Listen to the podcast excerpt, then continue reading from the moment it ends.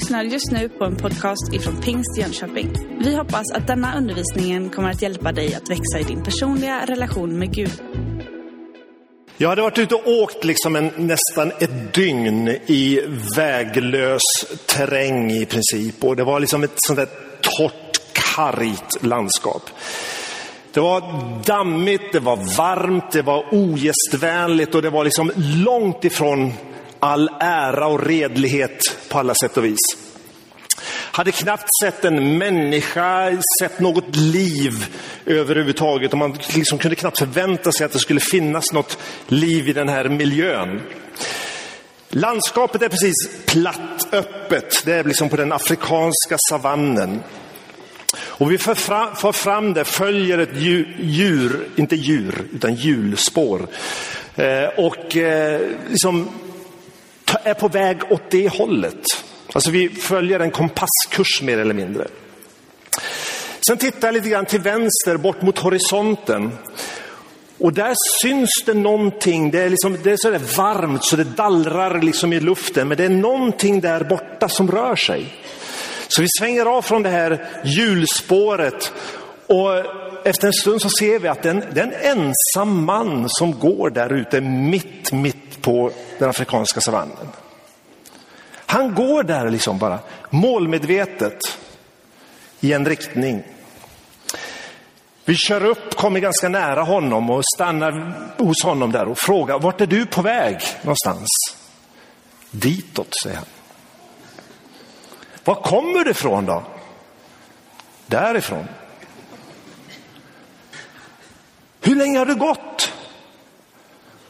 Gick, har gått sedan solen gick upp.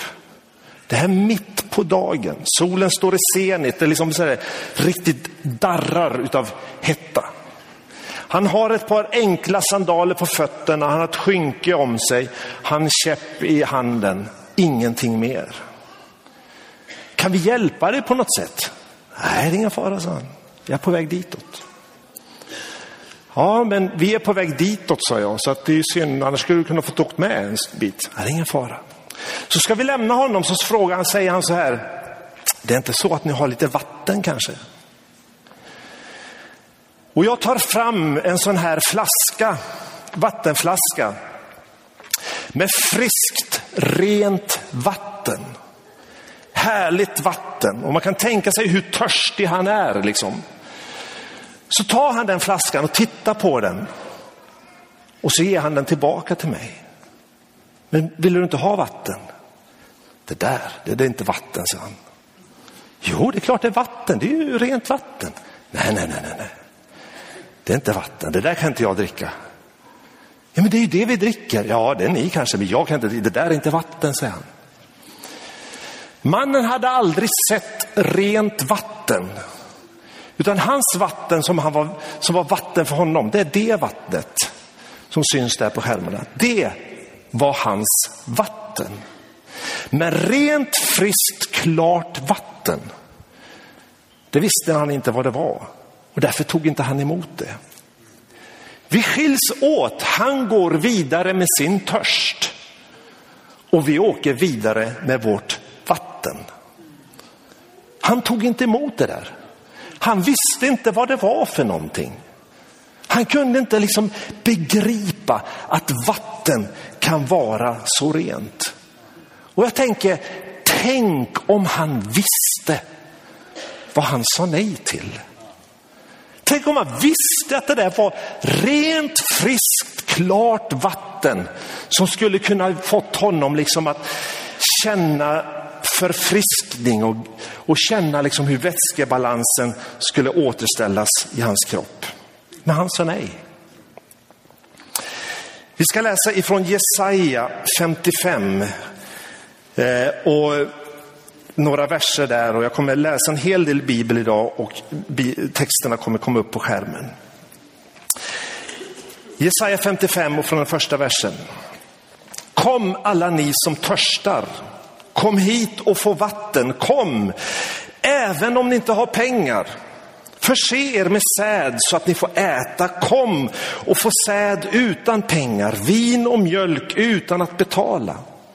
Varför lägger ni pengar på det som inte är bröd, er lön på sådant som inte mättar? Lyssna till mig så får ni äta gott och njuta av feta rätter. Kom till mig, hör noga på, lyssna så får ni liv. En kallelse, kom och drick, kom och ät, kom, det är gratis. Några hundra år senare så möter ju Jesus en kvinna vid det som vi kallar för Sykars brunn. Han är på väg upp till Galileen, går genom Samarien, kommer där till den här brunnen mitt på dagen när det är som hetast, varmast. En kvinna kommer dit för att ösa upp vatten och Jesus ber om vatten och så börjar ett samtal mellan de här två personerna. Och det slutar med liksom att Jesus är den som erbjuder levande vatten. Det står så här i Johannes 4. Om du visste vad Gud har att ge och vem det är som säger till dig, ge mig något att dricka.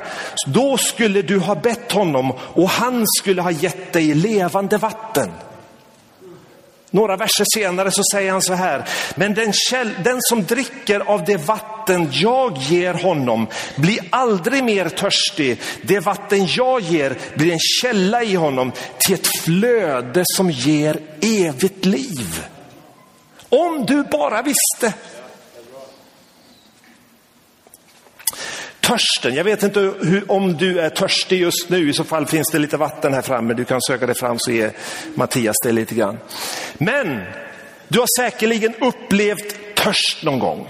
Och jag som rör mig ganska mycket i varma länder, jag har förstått vikten utav vatten. Vatten är någonting man ser till att man alltid har med sig. Liksom du, du kan vara utan mat, du kan vara utan allt annat, men vatten, är du utan det så blir det problem ganska snart. Vatten finns alltid nära på något sätt i de, när man rör sig i de områdena.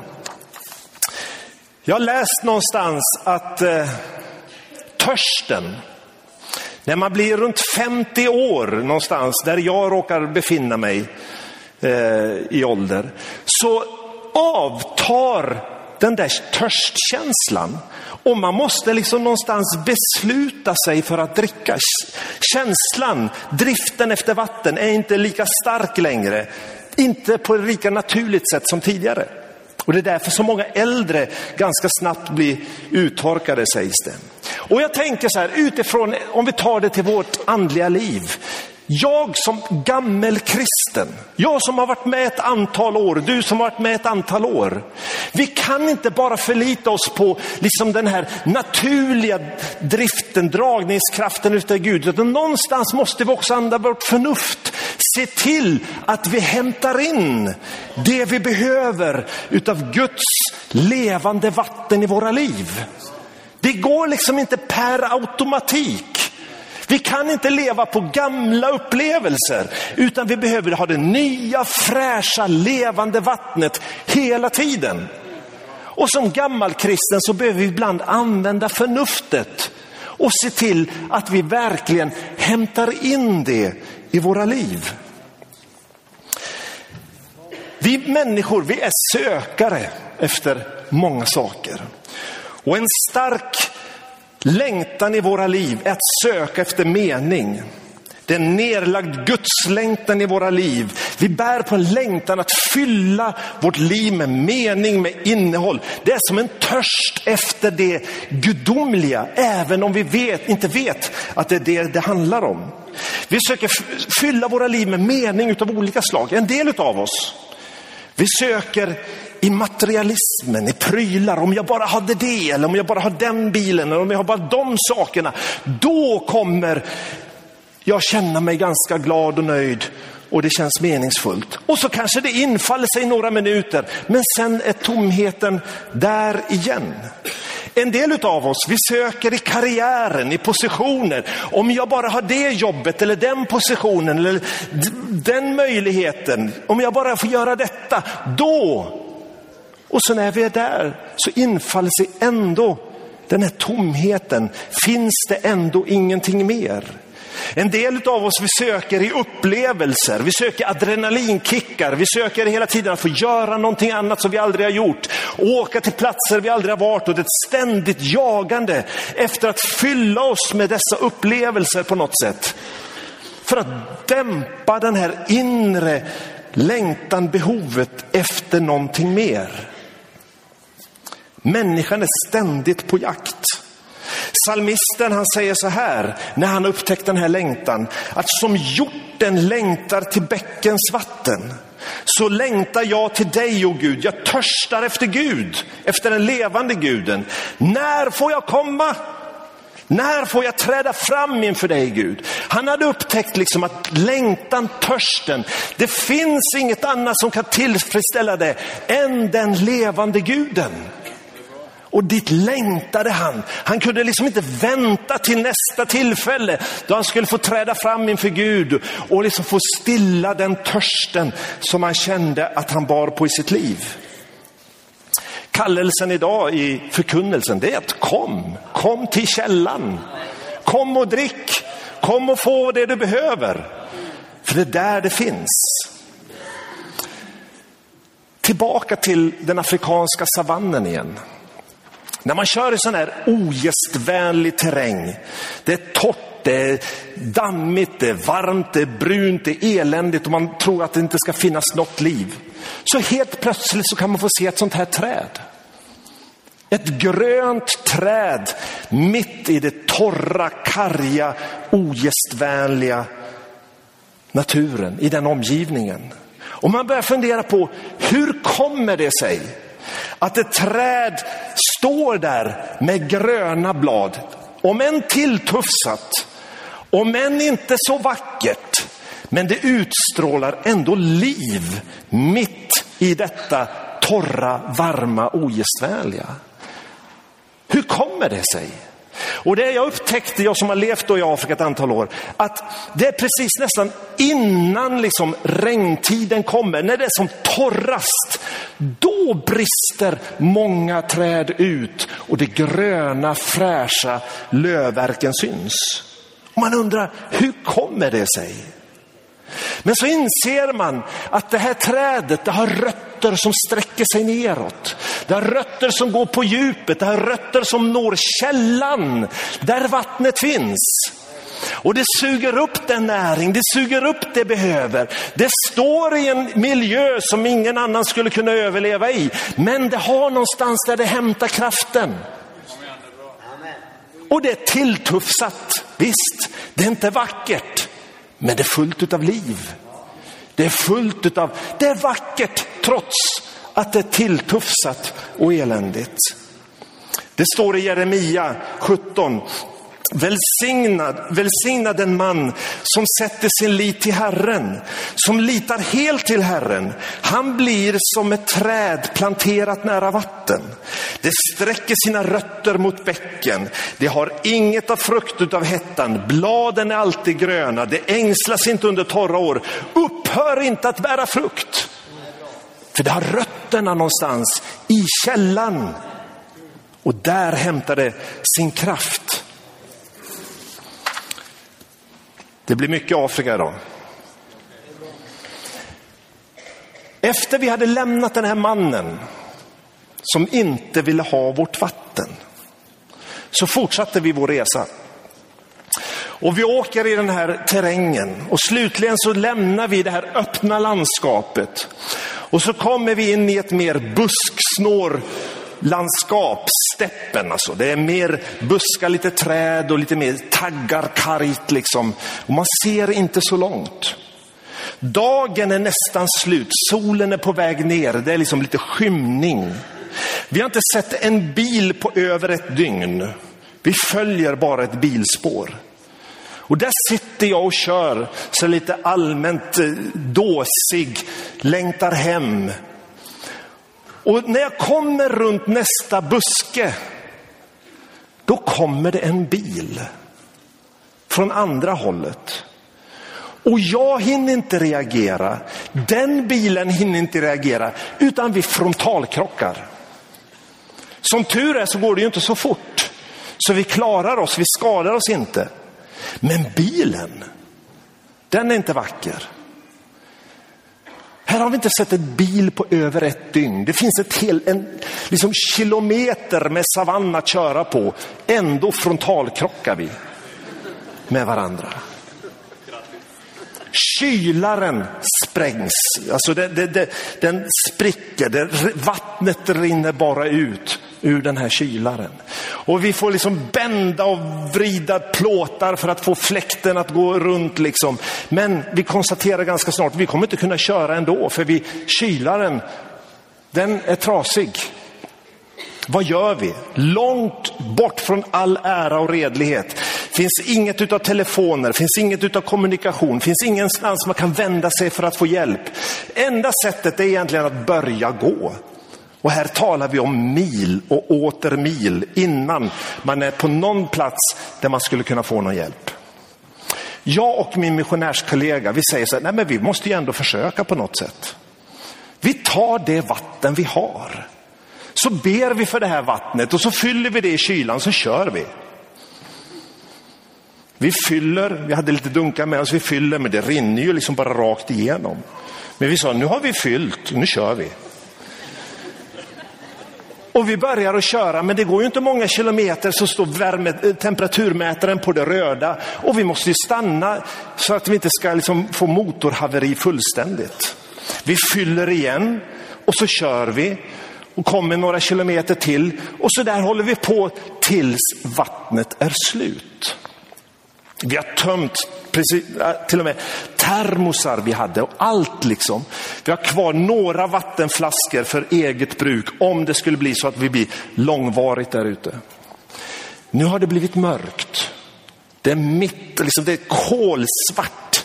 Det finns inte en tillstymmelse till månljus utan det är sådär riktigt, riktigt kolsvart. Du ser inte handen framför dig i mörkret. Vad gör vi? Jag tar ficklampan och så börjar jag gå lite grann. Jag tänker, ja, jag får ju gå och se om vi kan hitta någonting någonstans. Jag kan ju inte sitta här bara. Så går jag, så lyser jag lite grann åt sidan och så säger jag, men vad är det där? Det ser ut som en liten hydda. Jag går dit, så upptäcker jag att det är en, det är en liten bosättning. Det finns några få människor här. Jag ropar, finns det någon här? Och ut kommer liksom en sömndrucken man. Liksom, ja, vi är här liksom. Och så berättar jag lite grann vad som har hänt och så frågar jag, det är inte så att du har lite vatten? Jo, så kommer han med en hink brunt vatten, sånt där vatten som de var vana vid. Och jag vet att han har gått flera kilometer för att få tag i det här vattnet. Skitigt vatten. Men han är ändå villig att dela med sig för det, det är så värdefullt, liksom vatten. Man ger alltid vatten till den som behöver ha vatten. Han ger mig en hel hink vatten. Jag fyller det i kylan, det rinner rakt igenom mig, vi kör. I tron på att vi ska komma en liten bit till. Och så tar ju det där slut också. Och där står vi, nu är det midnatt.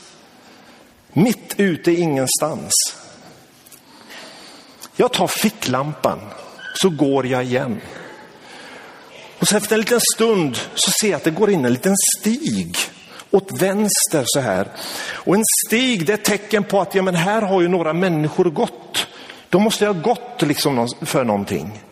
Så jag går efter den här stigen. Efter 50 meter på den stigen, mitt på stigen, så är det en pump. En sån här pump. Och jag pumpar och det kommer massor av vatten ifrån den här pumpen. Vi fyller varenda kärl vi har. Vi fyller termosar, vi fyller småflaskor, vi fyller dunkar, vi fyller bilen och vi är glada och upprymda. Vi har fått vatten. Nu kör vi och så kör vi och det rinner ut. Bilen kokar, vi fyller igen och vi håller på så. Och efter, framåt småtimmarna så är även det vattnet slut. Vi är fortfarande ute mitt i ingenstans. Jag tar ficklampan, jag går igen. Jag ser en stig. Den går in åt höger den här gången. Jag följer den. Efter hundra meter på den stigen, nu tror ni att jag hittar på. Men efter hundra meter så står det en sån här brunn, en pump, mitt på stigen. Vi fyller våra kärl. Vi fyller bilen. Vi kör glada, upprymda tills det vattnet tar slut. Jag är med om den natten, om tre brunnar, tre pumpar som jag aldrig har sett förut och som jag aldrig har sett efter det. De står där mitt på stigen där jag går fram. Efter tredje gången när vi har fyllt allting så kör vi med det vattnet. Bilen börjar koka, det går upp på det röda när vi är hundra meter hemifrån. Vi slår av motorn, rullar in, parkerar och går och lägger oss. Men det är ett Guds under. Storskaligt under, ett vattenunder. Men jag har tänkt på det här, vad Gud gjorde. Han helade inte kylaren. Han lagade inte den. Det var fortfarande sargat, det, var fort, det läckte fortfarande. Men han såg till att det fanns möjlighet att fylla på. Fylla på hela tiden.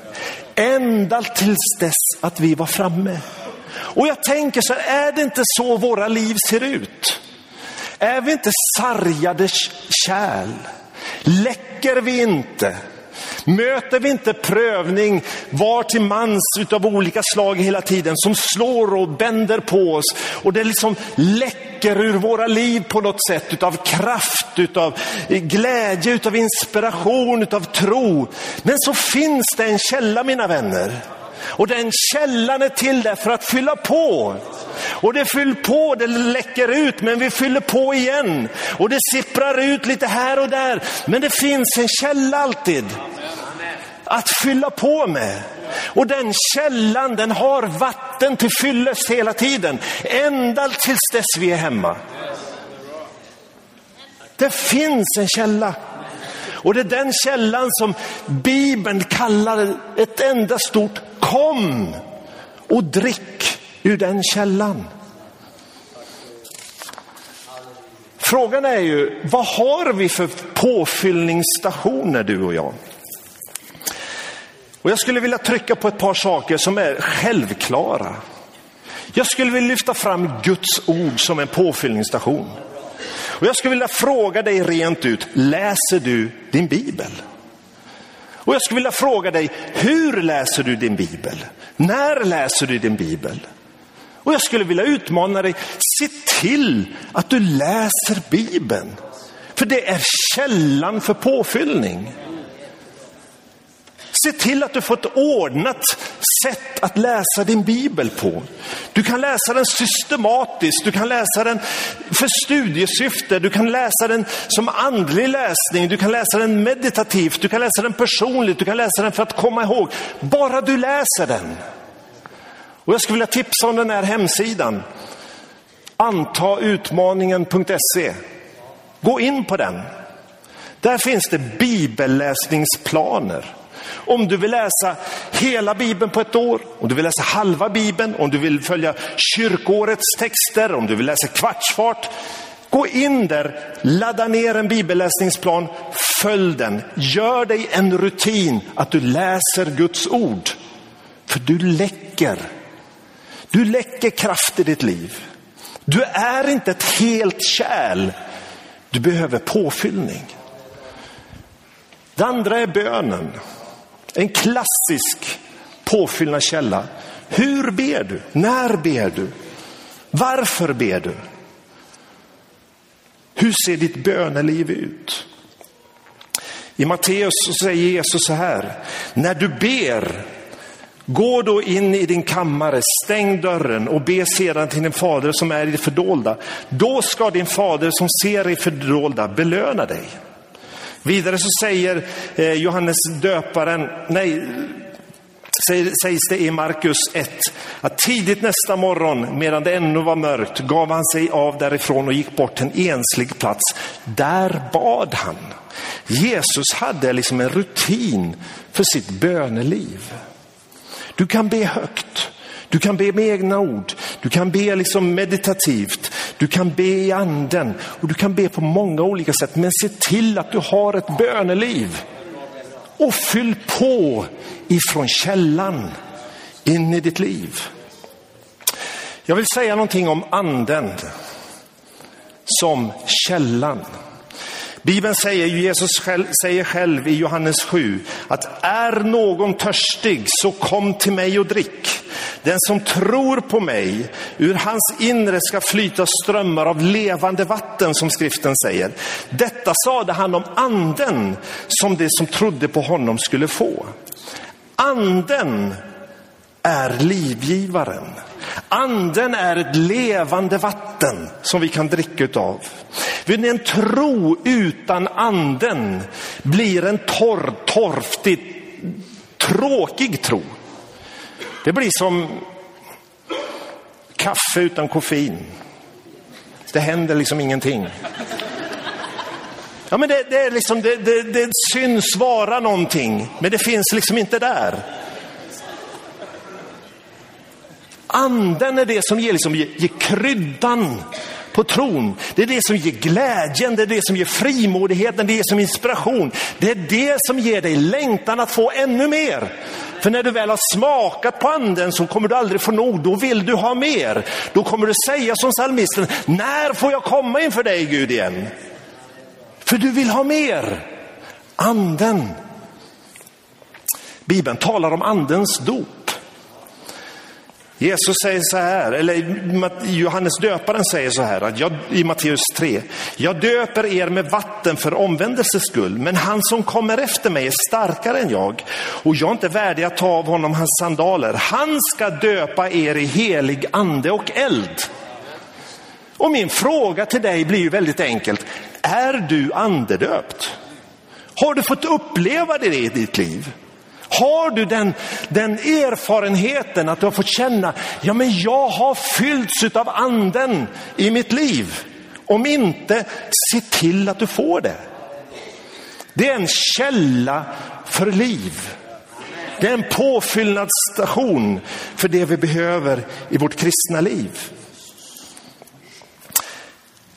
Det är väldigt intressant när man talar, när man läser om dop och man följer upp det dop, ordet dop i Bibeln.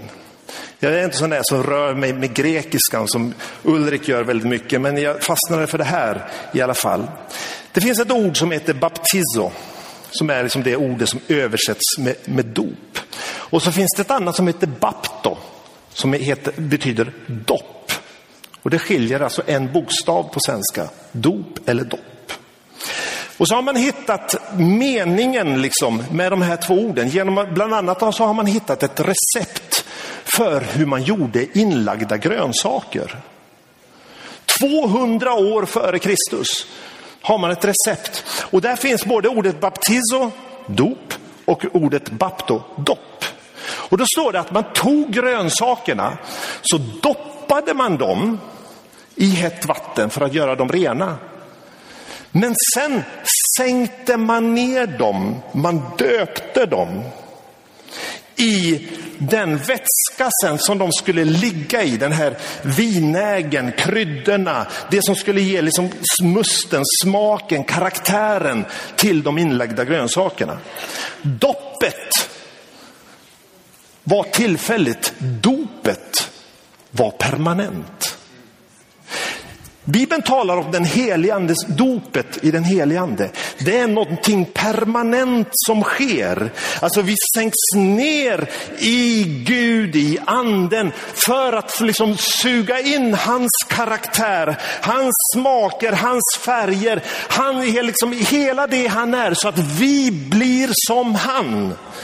Du tas inte in och ut ur anden utan du sänks ner i anden för att förbli i anden. Du döps i anden. Det är ingen tillfällig sak som händer i ditt liv.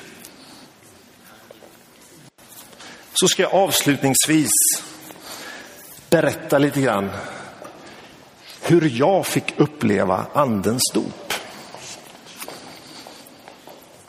Och då är vi tillbaka i Afrika igen. Jag har gått sex år på internatskola. Sex år av mina nio år i grundskola gick jag på internatskola. 70 mil hemifrån. När vi åkte hemifrån, lämnades på skolan, så såg inte jag mina föräldrar förrän det var lov igen. Och det kunde gå månader. Vi hade ingen kommunikation med, med, med dem, för det fanns liksom inte telefoner, det fanns ingen sätt att kunna kommunicera, utan när vi sa adjö så var det adjö tills vi ses igen. Där levde vi, ett gäng ungar. Jag var 13 år. Och vi levde i Tanzania då som just hade varit i krig med Uganda. Man hade kickat ut Idi Amin från Uganda och landet var liksom bankrutt. Det fanns absolut ingenting i landet att köpa. När vi samlades för kvällsbön på skolan där så hade vi tillfälle att lägga fram böneämnen. Våra böneämnen, alltså det vi ville att vi skulle be för, de var på det här sättet. Vi måste be Gud att vi får tag i mjöl. Vi måste be till Gud att vi får tag i bränsle till generatorn så vi får lite eh, ström. Vi måste be till Gud att vi får tag i tvål. Vi måste be till Gud att vi får tag i socker. Våra böner var väldigt konkreta. Gud, hjälp oss att få tag i det och det, eller hjälp oss med det här och det här och det här. Det där var en miljö som jag växte upp i. Men sen efter det att vi, vi hade bett, så nästa dag så skulle vi också lägga fram vilka tacksägelseämnen. Vad hade vi att tacka Gud för? Och då var det nästan alltid så här att, ja men tack Gud att vi fick tag i mjöl. Tack Gud att vi fick tag i tvål. Tack Gud att vi fick tag i socker. Och så levde jag i en miljö där, där det hela tiden blandades utav gå inför Gud och sen ta emot ifrån Gud. Jag går inför Gud med det som ligger på mitt hjärta, men så tackar jag honom för att jag fått det. Det där formade mig. En fredagkväll så är vi några grabbar och tjejer på högstadiet. Sjuan, åttan, nian. Själv gick jag i sjuan. Och det var en kväll som vi fick vara uppe lite längre på fredagskvällen. Och då skulle man ju ha roligt. Men så var vi några stycken som sa det. Nej, jo visst ska vi ha roligt. Men det där som man talar om, om andedopet. Det har inte vi fått uppleva än. Vad säger ni, ska vi göra ett försök? Och väldigt barnsligt, väldigt enkelt så är vi några stycken som går in i ett rum. Och så börjar vi att be. Och vi är inte så väldigt duktiga på att be. Och vi är inte så väldigt duktiga på att formulera oss.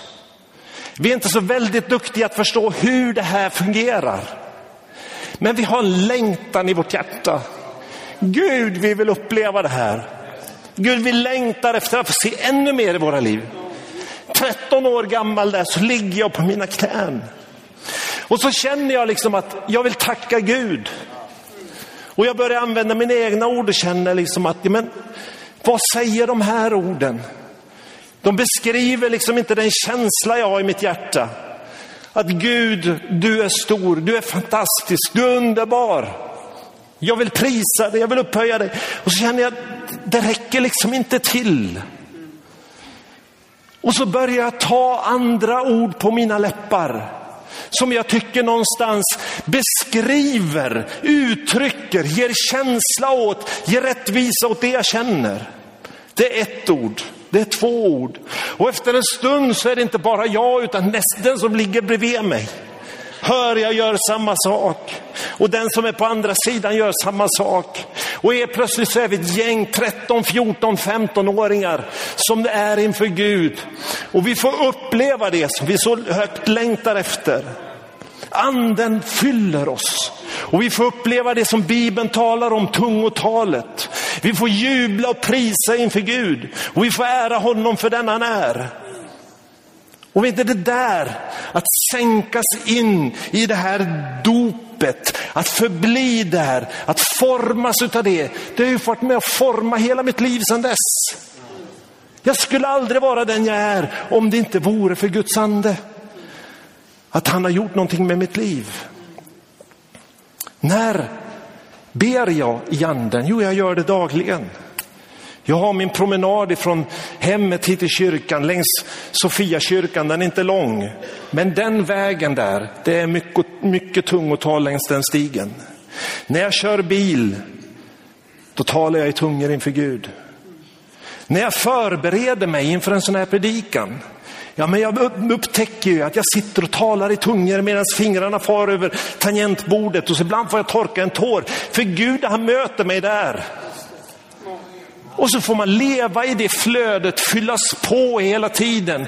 Men så möter man saker i livet, man blir slagen, man blir sargad, det läcker, det försvinner energi. Men det finns hela tiden pumpstationer utsatt för påfyllnad.